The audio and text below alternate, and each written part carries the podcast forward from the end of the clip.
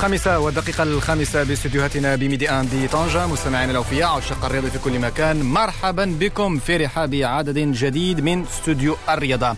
موعدكم الرياضي الأسبوعي كل يومي سبت واحد من الخامسة إلى غاية السادسة مساء. كما تعلمون ساعة من الزمن نرافقكم خلالها لرصد كل صغيرة وكبيرة ورحلة شاملة في مختلف ملاعب كرة القدم المغربية المغاربية والعالمية وأيضا الأوروبية ومختلف الرياضات بطبيعة الحال. في هذا العدد الحدث البارز كما تعلمون هو المنتخب المغربي الذي تفوق أمس على حساب جمهورية إفريقيا الوسطى لحساب الجولة الثالثة من التصفية الإفريقية بأربعة أهداف لهدف واحد سيكون إذن الموضوع البارز في عدد اليوم والبارز أيضا في عدد اليوم معي علي صلاح الدين علي بونسوار Odi et bonsoir à tous. Nous allons bien sûr entamer cette édition de Studio Sport euh, par euh, le match du Maroc et la Centrafrique. Une belle victoire des compatriotes de Hakim Ziyech. On Alilodzik et puis on ira faire un petit tour en Afrique pour voir les autres résultats des équipes, notamment les sélections maghrébines et l'Algérie qui enchaîne un 21e match sans défaite après sa victoire hier face à l'équipe euh, du Zimbabwe ou plutôt avant-hier. Euh, Jamal Belmadi qu'on va écouter à l'occasion euh, de cette troisième journée des phases éliminatoires de la Coupe d'Afrique des Nations de 2021. بالفعل علي أكيد بأن يوم أمس شهدت العديد من الملاعب في القارة السمراء. إذا تصفية الإفريقية التي انطلقت منذ يوم الأربعاء أو الثلاثاء الماضي بطبيعة الحال التصفية التي انطلقت بعد غياب طويل بسبب فيروس كورونا. عاد إذا التحدي إلى ملاعب القارة. السمراء العديد من المباريات أجرت إذا كما ذكرنا تهم المنتخبات المغاربية وكما قلت علي الجزائر من دون أي خطأ إلى حدود الساعة بالعلامة الكاملة بتسع نقاط بعد فوزها على زيمبابوي بثلاثة أهداف لهدف واحد. تونس أيضا بصعوبة أمام تنزانيا.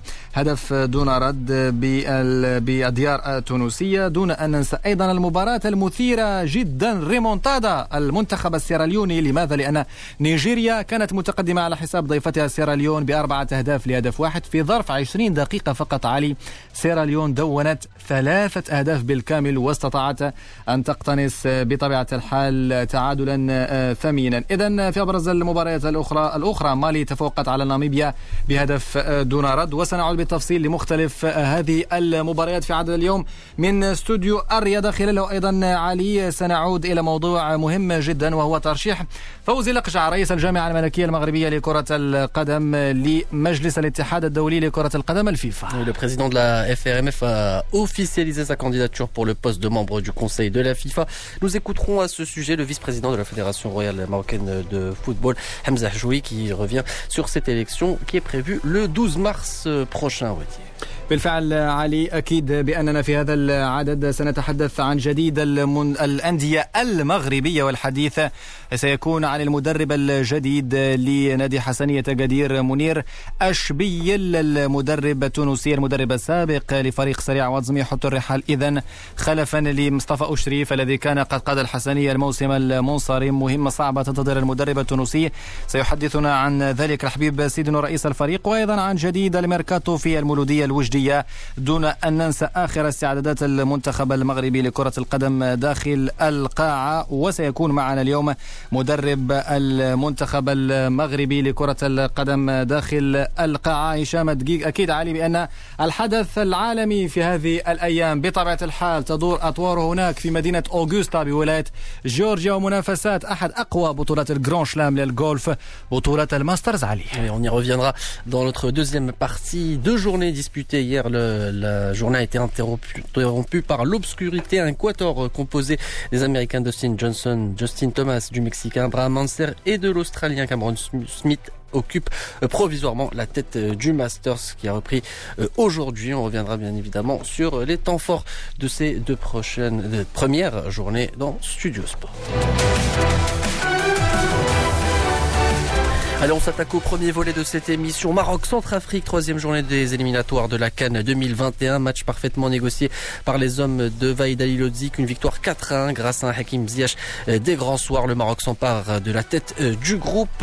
Pour nous parler de cette belle prestation des Lions de l'Atlas, Vaïd Ali Lodzik, le sélectionneur du Maroc. Cette victoire-là, c'est tout à fait mérité pour mon équipe. Je le félicite aux, aux joueurs. Il faut chercher encore une victoire qui nous donne la possibilité de terminer premier et qualifier pour le prochain camp. C'est un objectif qu'il faut atteindre le plus rapidement possible. C'était pas mal, malgré un petit peu de préparation un petit peu difficile. On avait quelques, joueurs blessés, quelques joueurs qui sont malades. Malgré ça, l'équipe, il a, a fait un bon job et, il a fait bon match. On a marqué quatre buts et c'est très bien.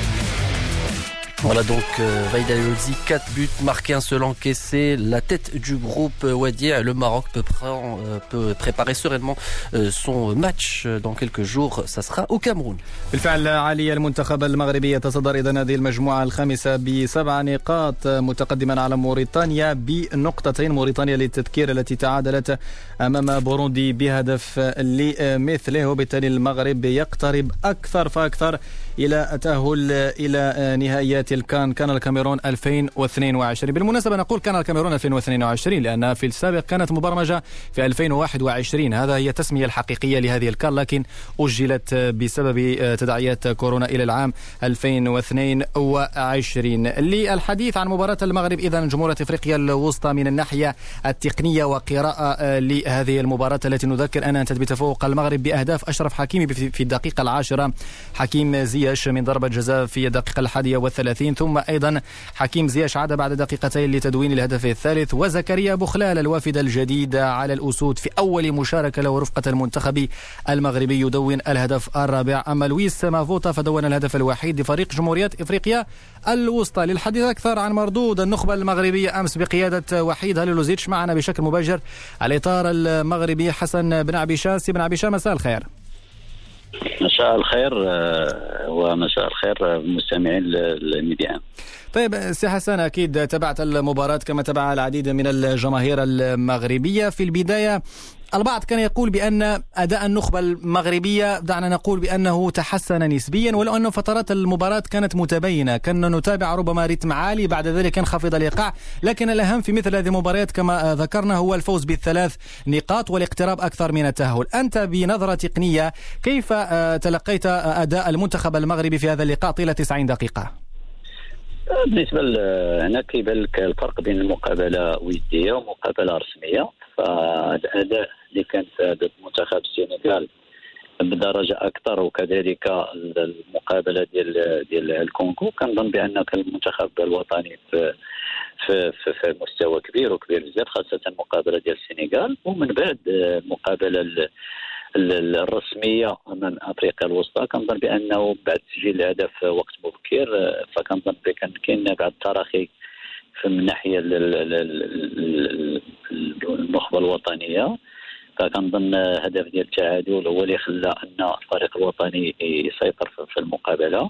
والنتيجة كانت منتظرة. كنا كنتسناو غير كما كيقول إمتى المقابلة لأنه على الورق ولا على الملعب المنتخب الوطني كان كان واقف بشكل الشكل ممتاز. وكنا رغم تسجيل ديال هدف التعادل فكان كيبان كيبان الفرق بين النخبه الوطنية والفريق ديال أفريقيا الوسطى.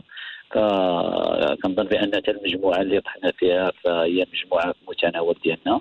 ورغم ذلك فالمنتخب كي كيمتاز كي عنده لاعبين في, المستوى الكبير اللي كنا آه، بعد آه، ذهاب اللاعبين اللي كانوا كيتشكلوا النخبه الوطنية.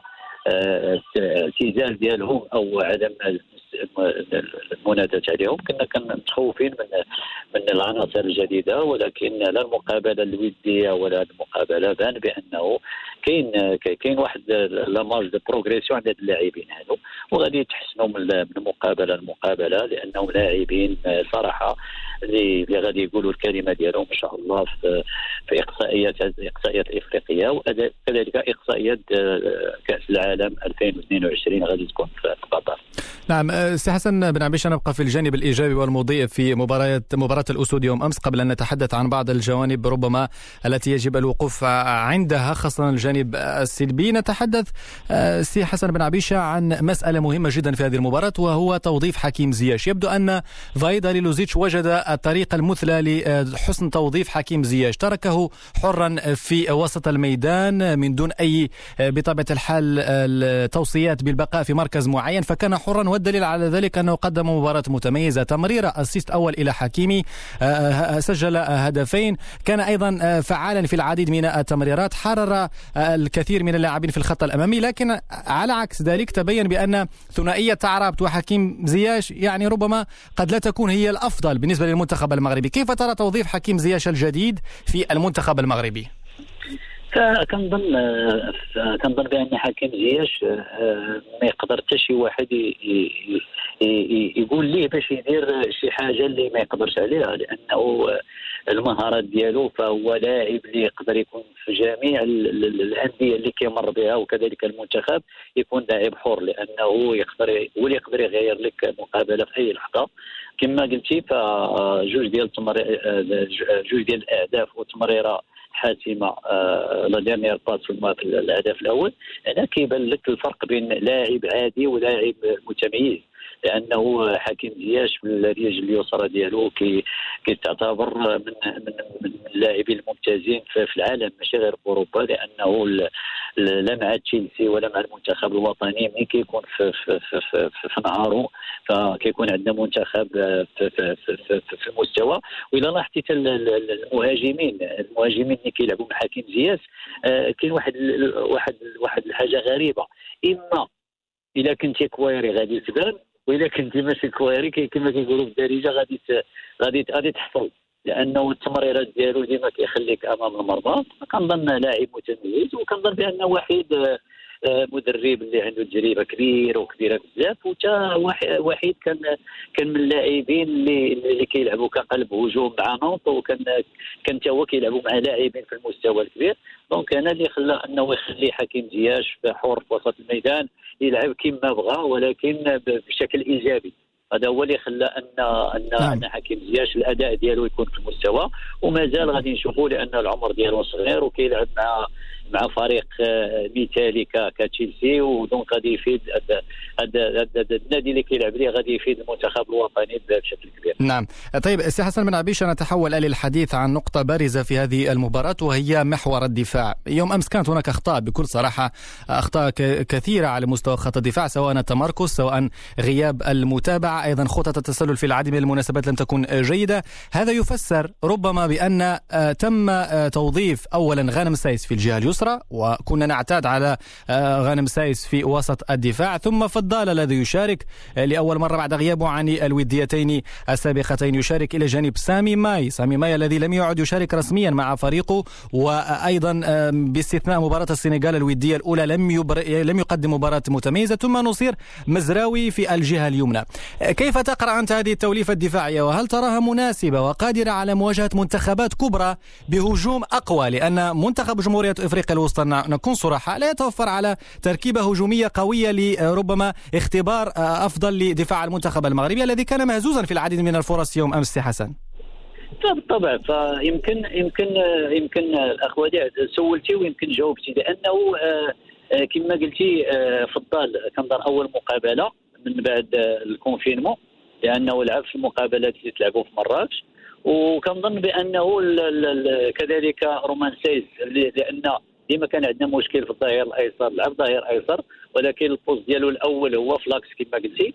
وكذلك التوليفة مازال ما تعرفاتش لأن ما كانوش مقابلات تقريبا إلى آه، مثلا كل لعب فضال آه، مع سايس ولعبوا في هذه المقابلات اللي فاتوا ديال السنغال وديال الكونغو. يقدروا يكونوا في, في, في المستوى ولكن ما نساوش كذلك التواضع ديال ديال ديال ديال المنتخب ديال أفريقيا الوسطى. لأنه اللاعبين المغاربة العقلية ديالهم ملي كتكون؟ إلى لاحظتي المنتخب الوطني ملي كيكون منتخب عنده لاعبين في المستوى؟ المنتخب الوطني كيكون في المستوى. لأنه عنده لاعبين مغمورين اللاعبين اللي ما كيعرفوهمش مثلا اللاعبين ديالنا. دونك ما, ما كتشاهدش مقابلة ديال ذاك الفريق باش باش تلعب في المستوى اللي اللي خصك تلعب به فكنظن حتى الفريق ديال أفريقيا الوسطى المهاجمين ديالهم ما كانوش المستوى هذا هو اللي خلى أن الدفاع حتى هو يتراخى وما وما كتكونش ديك ما كيكونش الانسجام كبير. فكنظن في المقابلات الكبيرة وكذلك المقابلات الودية تكونوا يكونوا أكثر وهنا غادي يكونوا اللاعبين يكونوا واحد التجانس في الأداء ديالهم. نعم طيب سي حسن بن عبيشة نشكرك جزيل الشكر على كل هذه التوضيحات للإطار المغربي ونتمنى لك أيضا التوفيق في التجربة التدريبية الجديدة. رفقة أحد أعتد الأندية النادي القنيطري ما نتمناه هو أن تعود النادي القنيطري إلى السكة الصحيحة. رفقتك سي حسن بن عبيشة شكرا جزيلا مرة أخرى. شكرا, شكرا. إذا علي فقط قبل أن نغلق ملف المنتخب المغربي من الأسماء أيضا البارزة في هذا اللقاء زكريا أبو خلال لاعب أزيد ألكمار الهولندي الذي تسلم مفاتيح النادي من أسامة الإدريسي قدم مباريات متميزة بعد تجربة مع بيس في أيندهوفن في المرة الأولى. بالمناسبة علي زكريا أبو خلال اختار في الأخير نداء الأم. الأم التي كانت عداء عداء آه، بالمناسبة هي أم آه، زكريا أبو خلال هو بجنسية مغربية وأيضا ليبية لكن في الأخير اختار اللاعب للمنتخب المغربي قدم مباراة متميزة. لكن عليه أن يظل في هذا الأداء وأن يظل ثابتا في أداء النخبة المغربية التي نتمنى لها التوفيق بطبيعة الحال في المباراة المقبلة. المرتقبة يوم الثلاثاء القادم بمدينة دوالا الكاميرونية. بداية من الساعة الخامسة مساء علي أكيد بأن من المنتخبات البارزة أيضا في إفريقيا في القارة السمراء لم يتوقف عن تدوين المباريات الجميلة المنتخب الجزائري Oui, l'Algérie qui a réussi euh, sa reprise, euh, cette troisième journée euh, des éliminatoires de la Cannes 2021. Une belle victoire 3 contre l'équipe euh, du Zimbabwe grâce notamment à des réalisations de Bardad Bounjah, Soufiane Farouli et surtout Riyad Mahrez qui a inscrit le troisième but. 21 matchs sans défaite pour les Fennecs, champions d'Afrique. Pour le plus grand bonheur de, bien sûr, Jamal Belmadi, le sélectionneur des Fennecs qu'on écoute. C'est toujours l'objectif euh, de gagner. C'est vrai que c'est une belle, euh, série. Il euh, faut féliciter les joueurs féliciter les joueurs, ceux qui sont, ceux qui jouent et ceux qui sont, déterminés, qui ont envie qui ont envie de continuer voilà donc euh, Jamal Belmadi au sujet de cette belle victoire et surtout de ce record euh, d'invincibilité 21 matchs sans défaite euh, pour les Fennecs qui vont retrouver le Zimbabwe également à l'occasion de cette quatrième journée la semaine prochaine. بالفعل علي اذا بعثه المنتخب الجزائري ستتجه لملاقاه اذا زيمبابوي اكيد في الاسبوع المقبل نذكر فقط بان مباراه مرتقبه اخرى اليوم مهمه جدا للفراعنه والمنتخب المصري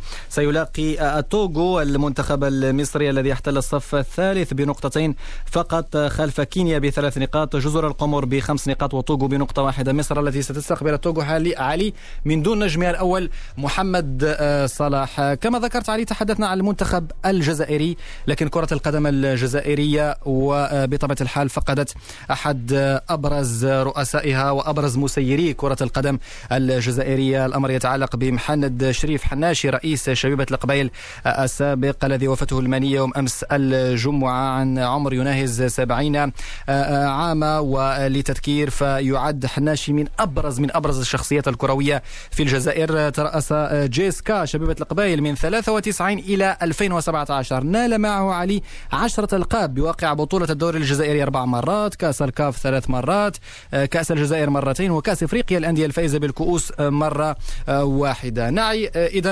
للراحل محمد شريف حناشي مع حكيم مدان أحد لاعبي السابقين لنادي شبيبة القبايل وأيضا كان مسؤولا ومسيرا رفقة الراحل حناشي حكيم مدان في هذا الناعي للراحل حناشي.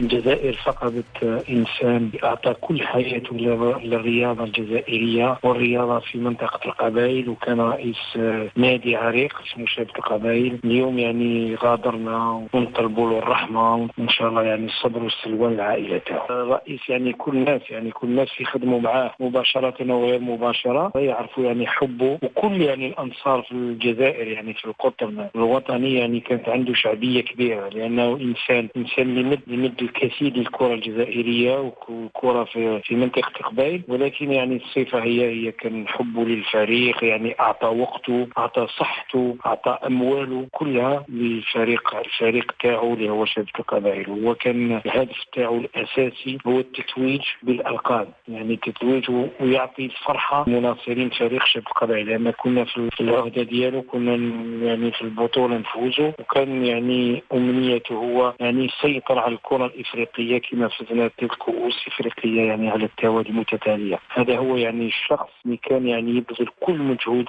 تاعو وما عندوش ما يقصر في أي شيء لأن عاش أكثر مع فريق شبكه القبائل أكثر وقت اللي عاشوا مع العائلة تاعو. الكره يعني كانت محب لأنه كان لاعب سابق كان مسؤول ثم أصبح رئيس. يعني لهذا يعني نقدر نقول لك يعني ابدا ابدا يعني فريق فريق شباب القبائل أو أي نادي في الجزائر ما يقدر يكون عنده مسير مثل محمد شريف حناشي. كيف كانت علاقة آه، ونعلم آه، ذلك آه، الراحل حناشي مع الأندية المغربية نعلم جيدا بأن العديد من الزملاء حدثونا عن يعني العلاقات القوية التي كانت تربط حناشي بالعديد من الأندية المغربية سيمدان. كانت عنده علاقة طيبة مع الرئيس رئيس الرجاء البيضاوي وأيضا رئيس الوداد آه، ونشفى باللي عدة مرات كان راح خذ الفريق ودار ودار تربص في المغرب يعني. في المغرب يعني كان عنده علاقات جد وطيبة.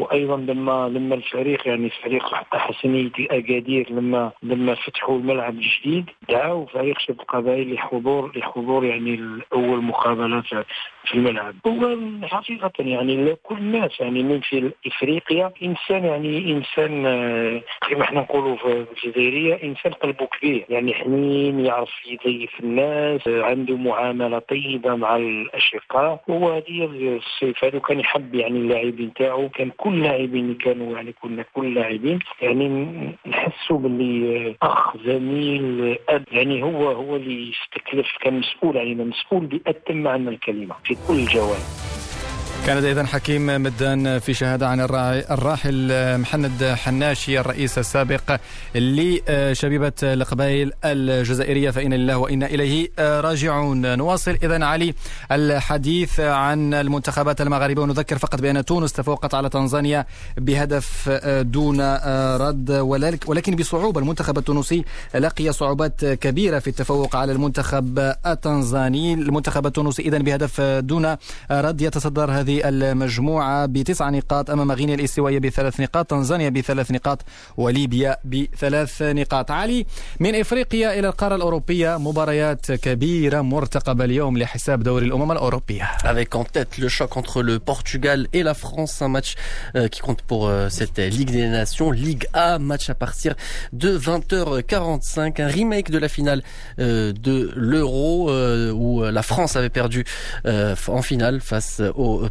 Portugal. Et puis euh, pour ce match, il y aura un absent côté euh, portugais. Il s'agit du joueur de Lille, Renato Sanchez, euh, qui est blessé côté français. Kylian Mbappé ne sera pas de la partie, mais la rencontre promet également d'être intense. De son côté, l'Allemagne aura affaire à l'Ukraine. L'Allemagne qui devra se méfier de cette équipe d'Ukraine qui est deuxième en compagnie de la nationale Mannschaft avec six points. Et puis le leader de ce groupe, c'est l'Espagne. L'Espagne qui sera en Suisse. Tous ces matchs sont à suivre à partir de 20h45 bien sûr le rendez-vous est pris sur تو pour ce match France-Portugal. بالفعل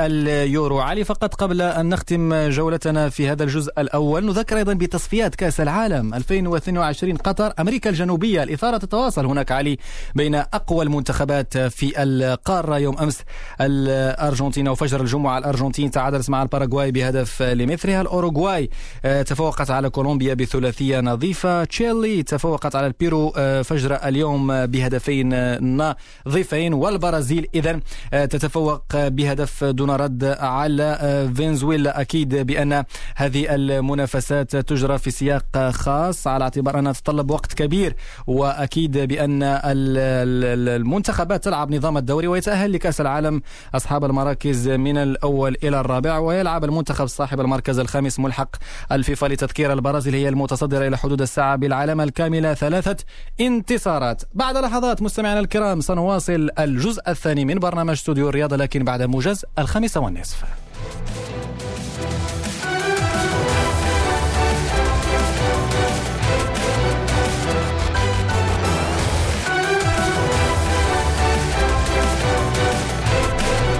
17h34 minutes à l'écoute de Médien. Bienvenue à vous si vous nous rejoignez. C'est la deuxième partie de Studio Sport et nous sommes ensemble jusqu'à 18h. Nous avons parlé de football en Afrique pour évoquer la victoire euh, du Maroc et celle de l'Algérie et bien sûr des autres sélections africaines. On continue de parler euh, football avec cette euh, nouvelle intéressante pour le football marocain cette semaine.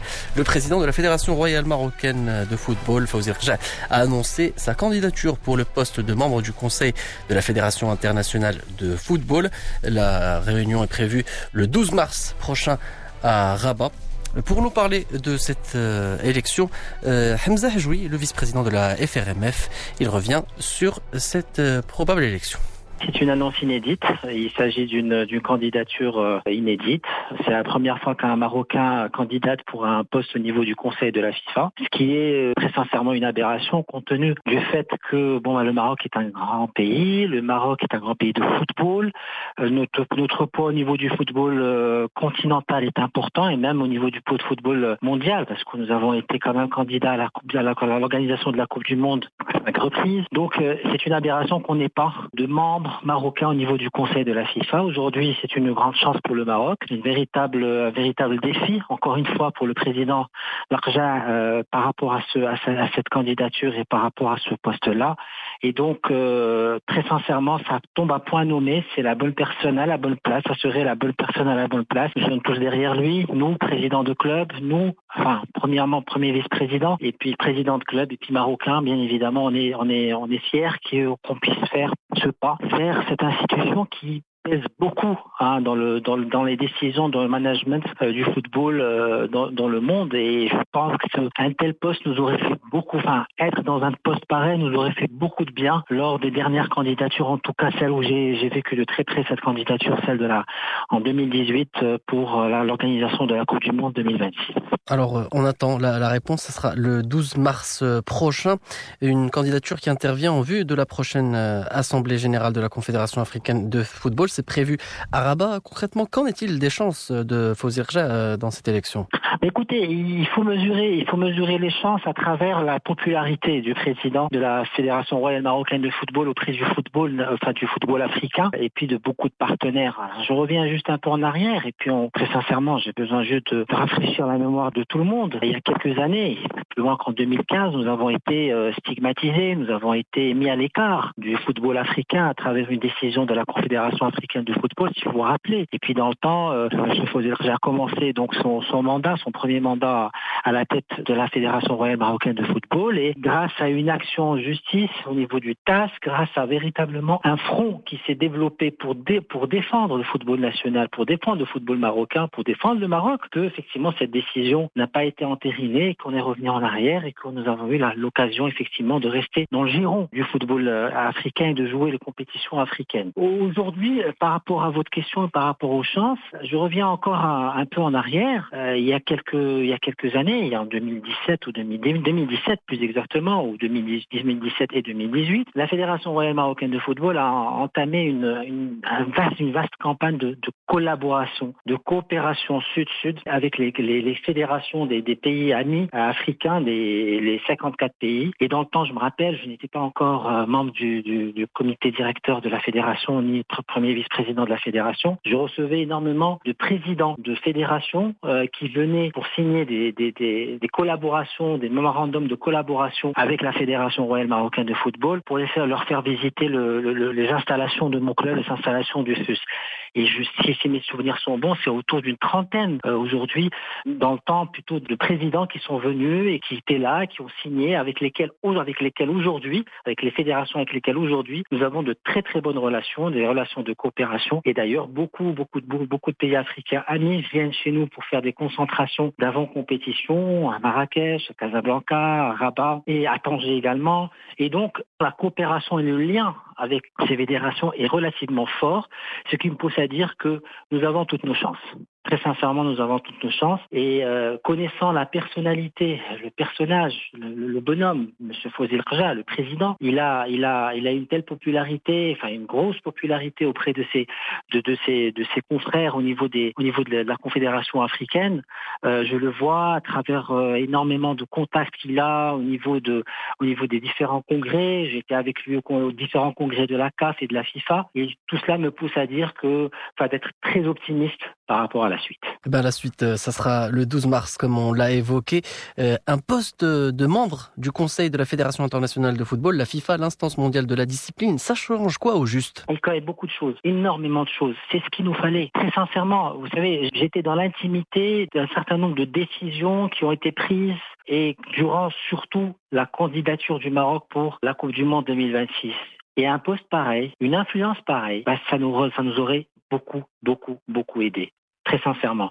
C'est-à-dire, on est à la base des décisions, on est à la base des propositions. Je dis bien des propositions. Et le Maroc en a beaucoup. Il n'y a qu'à voir aujourd'hui par rapport à, aux, joueurs binationaux, la venue du Maroc, les propositions aujourd'hui qu'il y a eu, l'avancée qu'il y a eu par rapport aux joueurs qui ont joué pour d'autres d'autres d'autres pays qui peuvent jouer pour un pour leur pour leur pays de natalité, on va dire, ou de, ou de la natalité de parents. Enfin, je veux dire, quand ils sont binationaux, en fait, cette démarche-là vient d'une proposition du Maroc le dernier congrès de la FIFA qui s'est tenu par visio en septembre dernier. En fait, l'adoption d'une proposition, elle vient, elle a été travaillée pendant très très longtemps par le Maroc, défendue vraiment d'une manière exemplaire par le président auprès de, de Gianni Infantino, le président de la FIFA.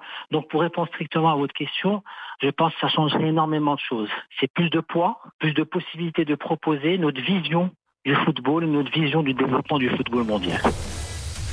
Voilà donc euh, c'était Hamza Al-Hajoui, le vice-président de la Fédération royale marocaine de football concernant euh, cette candidature de Fawzi Rja. Elle intervient en vue de la prochaine assemblée générale de la Confédération africaine de football euh, prévue le 12 mars prochain. On rappelle également que la, cinq candidats ont bien sûr annoncé leur candidature pour le poste de président de la Confédération africaine de football, notamment Ahmed Ahmed, le actuel président de la CAF ainsi que le Mauritanien Ahmed Ould Yahya, l'Ivoirien Jacques Anouma, le Sud-Africain Patrice Motepse et le Sénégalais Augustin Senghor.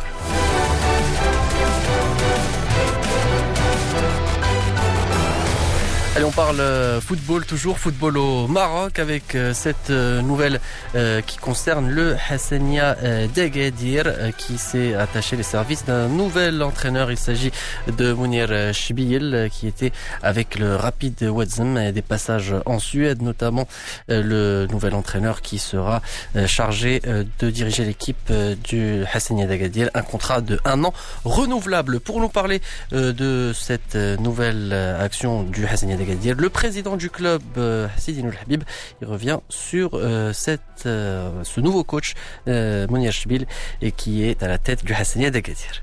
Nous l'avons connu euh, pendant le championnat et puis euh, nous avons décidé de l'appeler avant le début de la préparation de l'équipe pour euh, envisager une coopération entre les deux parties, entre le club du Hassani Dekatir et M. Mounir Sibiye. On s'était renseigné, il avait mis fin à son contrat qui le liait avec le cause de WhatsApp et donc nous avons parlé à un moment et puis voilà et puis on a montré notre intérêt pour lui et lui également il était très content de notre appel et il était très content de se retrouver à Gadir donc euh, voilà, ça s'est très bien passé. Je voulais aussi vous présenter le reste du staff technique qui sera composé de Ali Ben Babrouk qui est également tunisien. Enfin, il est suédois. Comme euh, Mounir ils sont de nationalité suédoise mais d'origine tunisienne. Ils seront euh, également aidés par euh, notre jeune euh, Ahmed, qui est un ancien joueur du Hassania et champion du Maroc deux fois, qui sera aussi le deuxième adjoint de Mounir Sbiel.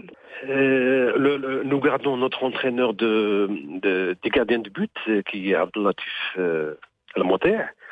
Et euh, nous avons recruté aussi un, un nouvel euh, préparateur physique qui est euh, Groni Taibi, qui était d'ailleurs qui a passé les trois dernières années en tant, en, tant que préparateur physique de la Renaissance sportive de Berkane donc voilà, c'est le, staff euh, technique qui va diriger le côté technique de, du Hassania la saison prochaine. Alors c'est une nouvelle aventure qui commence pour le Hassania d'Agadir. Est-ce que vous pouvez nous parler un peu plus des objectifs euh, fixés avec le nouvel entraîneur? Pour les objectifs, écoutez, c'est une nouvelle page, je crois, que nous allons écrire, que nous allons découvrir. C'est une équipe qui a, je pense, euh, passé un cap. Euh, nous sommes devenus l'une des, des plus importantes euh, équipes sur le continent africain. Nous, nous sommes fiers de notre parcours en, Coupe d'Afrique, de deux saisons de suite. Et c'est donc une nouvelle équipe qui sera sur le terrain, sur les, les pelouses l'année prochaine, enfin la saison prochaine. Et notre objectif, bien entendu, c'est de, de se remotiver, de se retrouver euh, et puis de, de chercher des de, de nouveaux challenges et l'objectif étant d'être toujours euh, euh, avec les premiers, avec les, les, cinq ou les six premiers, en attendant que en, attendant que la machine puisse reprendre sa vitesse de croisière, disons. nous avons passé une saison assez difficile la, la saison dernière. En tout cas en championnat, nous avons souffert un petit peu, mais en Coupe d'Afrique, nous avons fait un très bon parcours dont euh, nous sommes fiers et déjà nous pensons à, notre retour en Afrique et notre, retour en Afrique passe obligatoirement par une excellente saison 2020-2021. Euh, justement, une dernière question euh, qui a un rapport avec l'équipe du Hassania qui était bien partie. On a, on a l'impression qu'il y a eu un avant et après finale Coupe du Trône. Ça a été, ça a fait mal au moral des joueurs. Est-ce que le problème il a été plus moral que physique lors des derniers souffles de cette reprise de Botola Pro? Oui, je crois que on a dépassé cette épreuve. Enfin, ce traumatisme, c'était vraiment un traumatisme pour nous, euh, pour l'équipe, pour les supporters. Et nous sommes passés à autre chose. Euh, nous avons vu que nous n'avons pas de chance avec euh, la Coupe du Trône, à laquelle nous tenons, et nous avons joué trois finales sans en gagner aucune. Et donc, on est passé à la Coupe d'Afrique, à la Botola, et ceci est oublié. nous allons essayer de, faire mieux la saison prochaine en Coupe et en, et en championnat. En nous avions pris l'habitude de, jouer trois compétitions, mais cette année, nous, allons jouer la Coupe du Trône et la Botola, et ça sera aussi l'occasion de revoir l'équipe, de reconstruire euh, une partie de, l'effectif et de faire mieux et toujours aller vers euh, la performance. كان إذا الحبيب سيدينو تحدث عن مجموعة من النقاط المرتبطة بتعاقد حسنية قدير مع مدربه الجديد منير شبيل التونسي الذي تنتظره تحديات كبيرة كما ذكر الحبيب سيدينو نفتح لحظة صفحة الانتقالات في الأندية المغربية قبل بداية البطولة. البطولة التي إلى حدود الساعة لم يذكر بعد التاريخ الرسمي لبداية البطولة. الأندية تستعد الأندية تتعاقد الأندية تحضر في معسكرات إعدادية والعصبة الاحترافية في سبات عميق كأنها غير معنية بالبطولة المغربية. وهذا أمر غريب وغريب جدا. اتصلنا بالعديد من المسؤولين في العصبة الاحترافية. لا يجيبون على آه، اتصالاتنا ولكن الأهم هو أن هذه النقطة ستبقى بطبيعة الحال نقطة سوداء في العصبة الاحترافية المغربية. إذا كما ذكرنا العديد من التعاقدات في رحاب الأندية المغربية. الحارس مروان فخر تعاقد بشكل رسمي مع مولودية وجدة قادما من نادي الأنصار السعودي. ونذكر أيضا بأن محمد علي بام عمر علي التحق باتحاد طنجة الذي يعسكر في مدينة أكادير. نعود إذا إلى هذه الصفقة الجديدة لمولودية وجدة التي يقودها إذا المدرب الجديد عبد السلام وادو ويعد فخر خامس صفقة لسندباد الشرق بعد كل من الغيني ديمبا كامارا المالي يعقوب السيلا نبيل عنكور أدم بوجمعة فضلا عن تجديد عقد العديد من الركائز كعبد الله آه، خفيفي. كان إذا هذا الحوار الخاص للحارس الجديد لمولودية وجدة مروان فخر مع الزميل يوسف الشاطر. بالنسبة للتعاقد ديالي مع فريق مولوديه وجده فهو جاء بطلب من من من المدرب سي عبد السلام وادو اللي كانوا عنده كانوا عنده بزاف ديال les profils اللي كيف كيف تنقولوا محطوطين. فهو استشر مع مع المدرب الحراس ومع le staff بان لهم بأنني نقدر أنني نت intégrer مع le groupe وبالنسبه les qualités بالنسبة كيف تنقولوا بزاف ديال ديال ديال لي كريتير والعوامل اللي تخلي أنني نكون ضمن هاد هاد المجموعة اللي مجموعة شابة وطموحة وتبغي أنها تفرض نفسها في البطولة الوطنية بالنسبة لهاد 2020 2021 2022 بالنسبة لي انايا فخر كبير لأنني نوقع مع مع فريق مديريه وجه فريق كبير. هذا ما كما تنقولوا ما يحتاج أن نعرفوا فريق مولوديه الوجه غني عن التعريف. نتمنى أنني نكون عند حسن ظن الجماهير وعند حسن ظن كل واحد تغير على فريق المولودية الوجدية إذا تجربة جديدة لمروان فخر مع فرق البطولة المغربية الاحترافية بعد شباب أطلس خنفرة في وقت من الأوقات. اتحاد طنجة الآن العودة إلى البطولة من باب فريق آه، مولودية وجدة الذي كان تعاقد مع إطار آه، شاب جديد عبد السلام ودو الذي يعود إلى آه، المغرب من خلال هذا المشروع الطموح هل, هل ممكن أن نقول أن الفريق الوجدي بالتعاقدات يريد التنافس بش بشدة على المراكز الأولى السنة المقبلة وتحسين المركز اللي حققه هذه السنة. بالنسبة للرجوع ديالي للبطولة الوطنية بعد سنتين من الاحتراف بالدوري السعودي قلت بأنني نقدر نرجع للبطولة الوطنية. في أي لحظة هذه حاجة داخلة في الإنسان تيكون محترف أي فريق تيبغي الخدمات ديالو. تيلبي طلب بطبيعة الحال بعد المشاورة وبعد الموافقة كما تنقولوا على الشروط ولا شحال من حاجة. شفت بأن الرجوع ديالي للبطولة الوطنية فهو غادي يحيي الاسم ديال مروان فخر مرة أخرى في الدوري الاحترافي وفي المغرب عامه وإن شاء الله غادي نعطي كل إضافة وكل كل ما أوتيت من تجربة في هذه التجربة المتواضعة اللي مريت بها في الدوري السعودي وإن شاء الله نعطي كل ما عندي ونعطي لو بليس وكل ما في الجهد ديالي وكل ما في الجعبة ديالي باش نعطيها للفريق المولوديه الوجدية باش إن شاء الله نكونوا على آتم الاستعداد ونحققوا نتائج طيبة إن شاء الله بإذن الله في المستقبل. آه، طبعا تحدثنا عن آه، مجيء آه، مروان فخر إلى فريق المولودية الوجدية، اختياره للمولودية يأتي ذلك إثر فترة احتراف بالبطولة السعودية، أيضا كانت هناك تجارب ناجحة خاصة مع فريق اتحاد طنجة وتألق لافت، الخروج إلى الاحتراف العودة من جديد، هل ممكن أن نصف هذه التجربه مع المولودية الوجدية؟ هي تجربة النضج بالنسبة لحارس كامروان فخر من أجل التأكيد القيمة ديالو داخل كرة القدم المغربية. كنشوف أن التعاقد مع سي عبد السلام وانتو فهو في حد ذاته خطوة اللي هي مزيانة نظرا للتجربة آه، ديال ديال هذا ال coach اللي هو السي عبد السلام وانتو اللي استقبلني أحسن استقبال الحمد لله لا هو ولا le staff ولا tout le groupe الحمد لله. نتمنى أن le projet يمشي في la bonne voie الحمد لله حنا قايمين بكل المجهودات والتمارين بجديه على أساس أن إن شاء الله نحققوا نتائج طيبة. اللي تخلينا نمشيو في المسار الصحيح بإذن الله في البطولة الوطنية ونحققوا مراكز أحسن من المراكز اللي اللي تحققت السنة الفارطه إن شاء الله. فخر مروان الحارس الجديد لمولودية وجدة في حوار خاص مع الزميل يوسف الشاطر. يوسف الشاطر الذي سنبقى معه لكن هذه المرة من خلال رحلته الخاصة في نافذة ذاكرة أبطال. وخلالها يوسف الشاطر يتجول في رحاب نهائي يورو 2004 بين البرتغال آنذاك واليونان والذي ابتسم لليونان في مفاجأة تاريخية آنذاك. قلبوا الطاولة على أصحاب الأرض البرتغاليين بقيادة كريستيانو رونالدو. عودة إلى نهائي يورو 2004 مع الزميل يوسف الشاطر.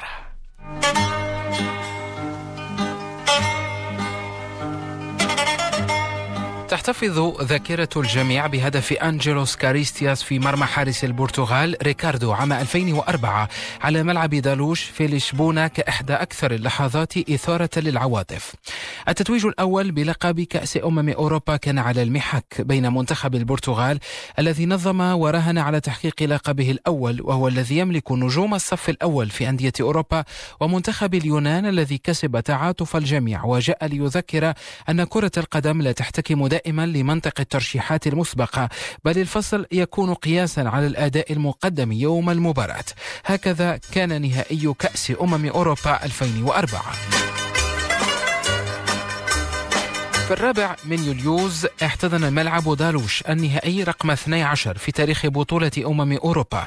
جمعت البرتغال التي يقودها البرازيلي لويس فيليبي سكولاري وتملك فيغور وكوستا كريستيانو رونالدو ديكو والبقية بمنتخب اليونان المفاجأة السارة التي قدمتها البطولة. منتخب الألماني أوتو ريهاجل اعتمد على طريقة لعب واضحة. مبدأها الدفاع والخروج في هجمات مرتدة سريعة كما امتلك سلاحا فتاة فتاكا الكرات الثابتة التي أبدع في تنفيذها بازيناس طيلة البطولة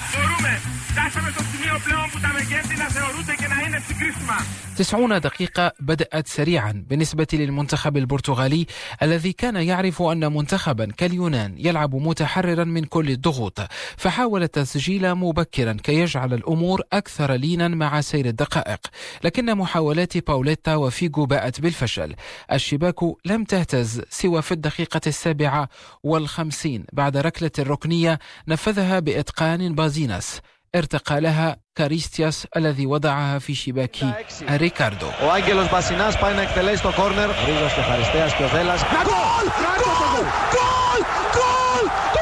بطل المباراة كاريستياس يصف الهدف أخيلوس باسيناس رفع ركنية رائعة قفزت عاليا ونجحت في تجاوز رقابة مدافع البرتغال. هذه المباراة لاحقتني طوال مساري. تسجيل هدف في نهائي بطولة أمم أوروبا شيء لا يمكن وصفه ببساطة.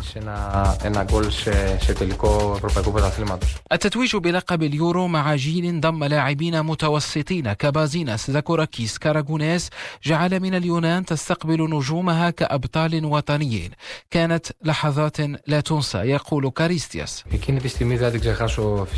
من الواضح أنني لن أنسى تلك اللحظة. كانت الأفضل في مساري كلاعب ما أنا عليه اليوم كشخص يعود فيه الفضل إلى ذلك الهدف. وتلك اللحظات التي صاحبت التتويج. تجارب منتخبات الدنمارك عام 92 واليونان عام 2004 تعيد الحياة للتنافس الحقيقي الذي يجعل اللعب الجماعي والروح تتجاوز الفرديات والمهارات.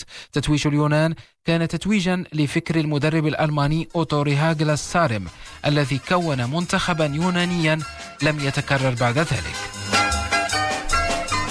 Et c'est avec la capsule de la semaine de Youssef Châtel que se termine cette édition de Studio Sport. Merci beaucoup d'avoir été à l'écoute. Restez avec nous sur Média à partir de 18h40. Vous ne raterez rien de l'actualité du sport. Il sera notamment question de golf. D'ici là, portez-vous bien.